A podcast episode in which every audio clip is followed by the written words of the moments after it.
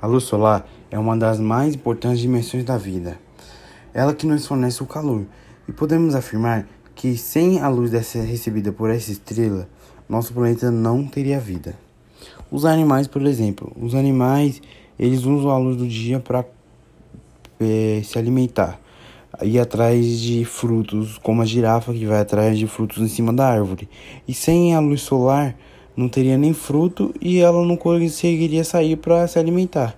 Porque com a luz solar pode aquecer os frutos da árvore, a girafa pode ir lá comer, assim como a onça pode caçar um animal é, mais facilmente na, na no luz do dia.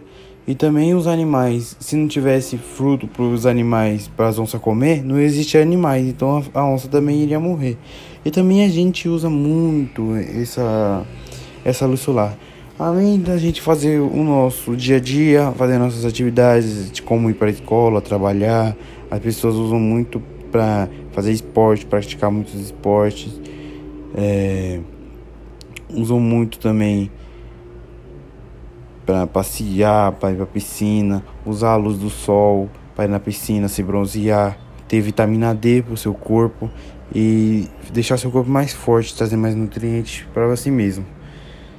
E também ela é usada para muitas outras coisas, como para produzir energia, também como é, nutrientes para as plantas é, produzir seu próprio alimento.